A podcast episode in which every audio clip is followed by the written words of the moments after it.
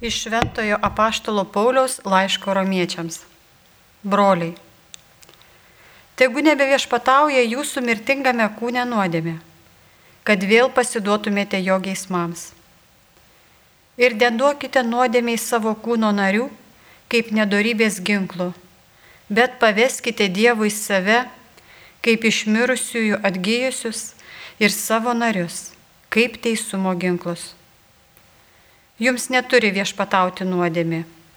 Jūs ne įstatymo, bet malonės galioje. Tai kągi, gal darysime nuodėmės, jei esame ne įstatymo, bet malonės valdžioje? Nieku būdu. Argi nežinote, kad pasiduodami kam nors klusniai tarnauti, jūs iš tiesų tampate vergais to, kurio klausote? Ar tai būtų nuodėmė, vedanti į mirtį, ar klusnumas vedantis į teisumą. Ačiū Dievui, kad buvę nuodėmės vergais, jūs iš širdies paklusote tam mokslo pavyzdžiui, kuriam buvote paskirti ir išsivadavę iš nuodėmės tapote teisumo tarnais. Tai Dievo žodis. Dėkojame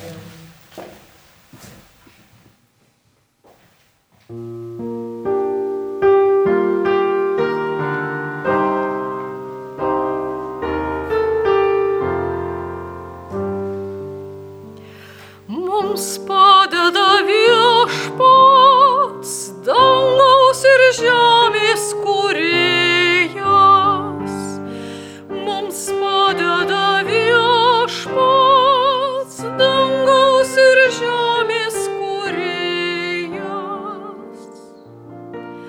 Jeigu ne viešpats, kas būtų buvę, Izraelis kartoja, jeigu ne viešpats, kas būtų buvę kaip ir jošai.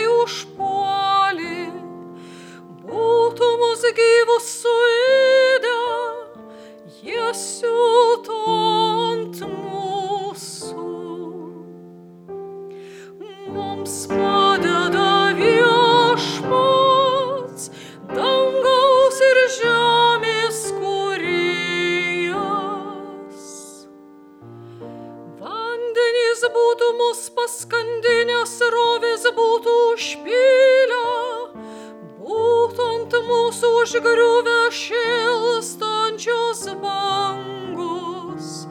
Šlovinkim viešpatį, nedavė mums į nasrus jų pakliūti. Mums pakliūti.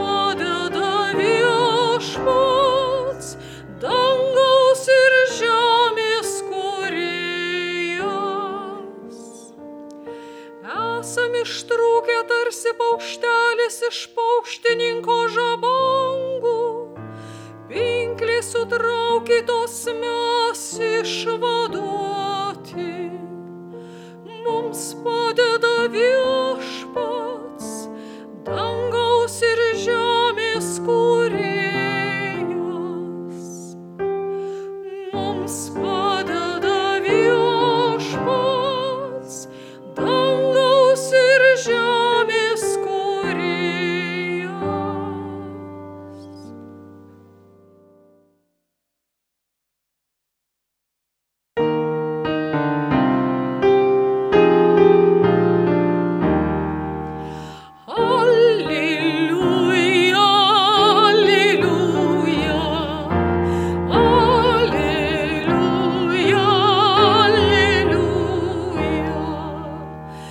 Dievui.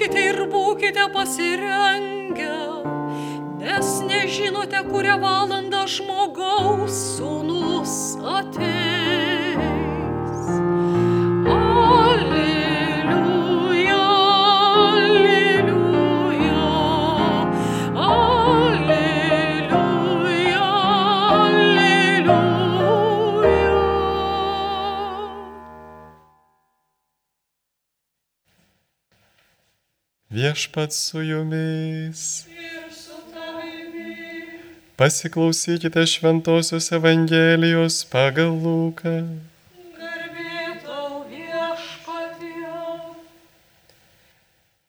Jėzus kalbėjo savo mokiniams, įsidėmėkite jei šeimininkas žinotų, kurią valandą ateis vagis, neleistų jam įsilaužti į savo namus. Ir jūs būkite pasirengę, nes žmogaus sunus ateis, kai nesitikėsite. Tuomet Petras paklausė, ar šį palyginimą pasakyti tik mums ar visiems. Viešpats atsakė, koks užvaizdas tiek ištikimas ir sumanus, kad šeimininkas galėtų jį paskirti vadovauti šeimynai ir savo metu ją maitinti. Laimingas tarnas, kurį sugrįžęs šeimininkas ras taip darantį. Sakau jums tiesą, jis paskirs įvaldyti visos nusavybės.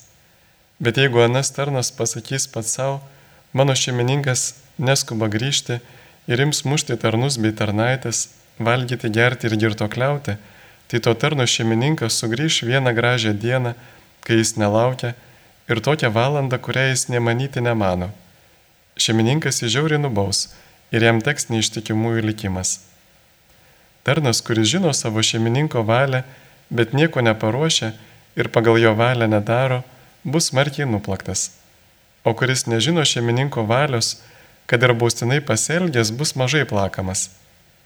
Iš kiekvieno, kuriam daug duota, bus daug pareikalauta ir kam daug patikėta, iš to bus daug ir išieškota. Girdėjote viešpatie žodį. Evangelijos žodžiai ten naikina mūsų klaidas. Jėzus kalba apie užvaizdą, kuriam patikėta maitinti šeimyną, kuriam yra daug patikėta. Ir mes kaip krikščionis turbūt kiekvienas esame patikėtinai Dievo karalystės. Dievas mums duoda save patį, duoda visas savo malonės ir trokšta, kad mes duotume vaisių.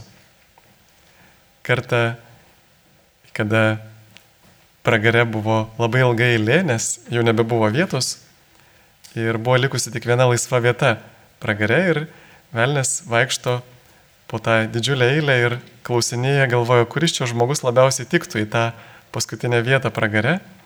Ir staiga girdi viena močiutė šaukia, aš čia per klaidą, aš čia per klaidą, aš nieko nepadariau, nieko nepadariau. Na jisai prieina ir klausia jos, tai, tai papasakokit prašom plačiau. Na ir jinai sako, štai aš mačiau, kaip kiti vogė, kaip Marino vadu kitus neteisingai kaltino, kai nemokėjo atlyginimų, kai visa šeima badavo, kai apgaudinėjo vieni kitus. Bet sako, aš tų dalykų nedariau.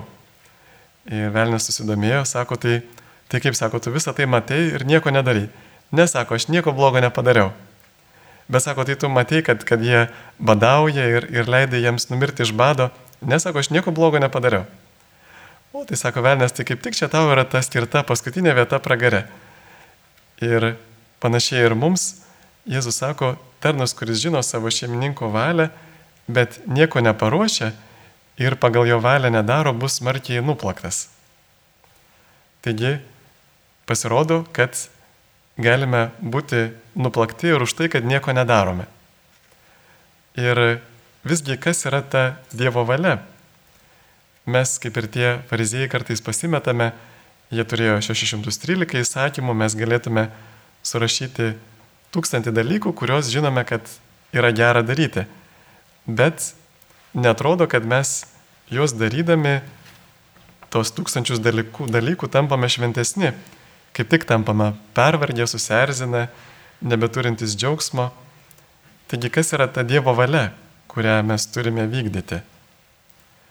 Pirmiausia, turbūt reiktų išsiaiškinti, kas tarp tų tūkstančių dalykų yra svarbiausia. Ir Jėzus į fariziejus klausimą apie tai sako, kad svarbiausia yra meilė. Bet šio laikinis žmogus tą meilę dažnai numitina iki tokio, na, jausmo ir sakyti, kad jausmas yra svarbiausia, na tai tiesiog galima sakyti, kad, na tiesiog tai yra gražų žodžiai, poezija, o mes gyvenimas eina savo vaga.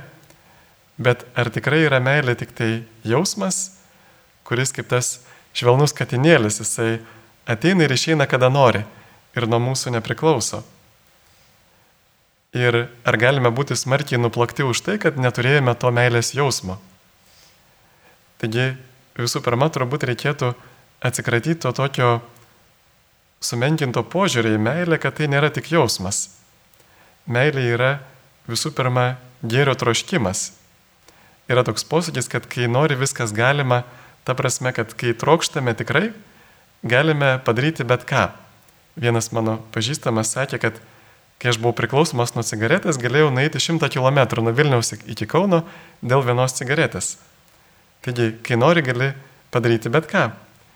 Ir kuo labiau trokštų tam ar kitam žmogui gėrio, tuo daugiau gėrio galiu ir pats jam padaryti.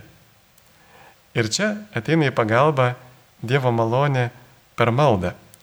Kai mes melžiame, šventoji dvasia įkeičia mūsų širdis, visų pirma jas nuramina, parašyta laiškė filipiečiams ir Dievo ramybė pranokstanti visokį išmintį, sergės jūsų širdis ir mintis Kristuje Jėzuje. Dievo motina mums dažnai apsiriškimuose kalba, kad malda ir pasniku galime sustabdyti netgi karus. Šitonas nori karo ir žinom, kad iš Evangelijos, kad ta veislė neišvaroma kitaip kaip tik malda ir pasninku. Taigi, mums tam reikia melstis ir pasninkauti, kad Dievas galėtų mus apginti kasdien nuo šitono, kuris sukelia nerimą ir karus. Ir didėjantis karų skaičius pasaulyje turbūt įrodo mažėjantį besimeldžiančiųjų skaičių. Ir tam reikalingas pasninkas, kad atkovotume maldos laiką. Pasninkas nuo televizoriaus, nuo žaidimų, nuo kompiuterių, socialinių tinklų. Šetonas mus įvilioja į tūkstančius įvairiausių užsiemimų, kad tik tai apleistume maldą. Ir taip pat pasninkas mums padeda ir pasirinkti gėri tuomet, kai jis yra sunkus. Arba kažko atsisakyti, paukoti vardan didesnio gėrio. Prisimenu, kaip tie žmonės, kurie buvo piktosios dvasios įtakoje, labai pykdavo, širzdavo, kai susidurdavo su malda. Pavyzdžiui, tokia regėtoja Vanga, ji labai iširdo, kada atėjo pas ją arkiviskupas su kryžiumi rankose, jis sakė, mes greičiau šalin ant žemės tą bjaurų daiktą, nes per jį negaliu nieko matyti. Arba, pavyzdžiui, tokie broliai vienuoliai pasakoja, kaip jie kartą nuėjo pas Kaš Kašpirovskį į sensą, nu tam, kad galėtų užimelstis. Ir sekantį kartą Kašpirovskis įsakė jų neįleisti, nes jam trukdė jų malda daryti savo darbus. Taigi malda apakina šitono supančiojo jo veikimą, bet taip pat ir mus vienyje su Dievu, su aukščiausiųjų gėrių, su meilės šaltiniu. Dievas turbūt leidžia šitonui veikti tam, kad mes, gindamiesi nuo jo, atbėgtume pas savo didžiausią gėrį. Ir per maldą šventoji dvasia perkyčia mūsų širdis, įlėjas gailestingumo, ramybės, džiaugsmo, meilės troškimo. Ir svarbiausias dalykas, todėl Dievo valiui yra būtent malda ir pasnikas, kuris leidžia mums priimti Dievo meilę ir vis karščiau trokšti gėrio kitiems ir tuos gerus troškimus įgyvendinti. Amen.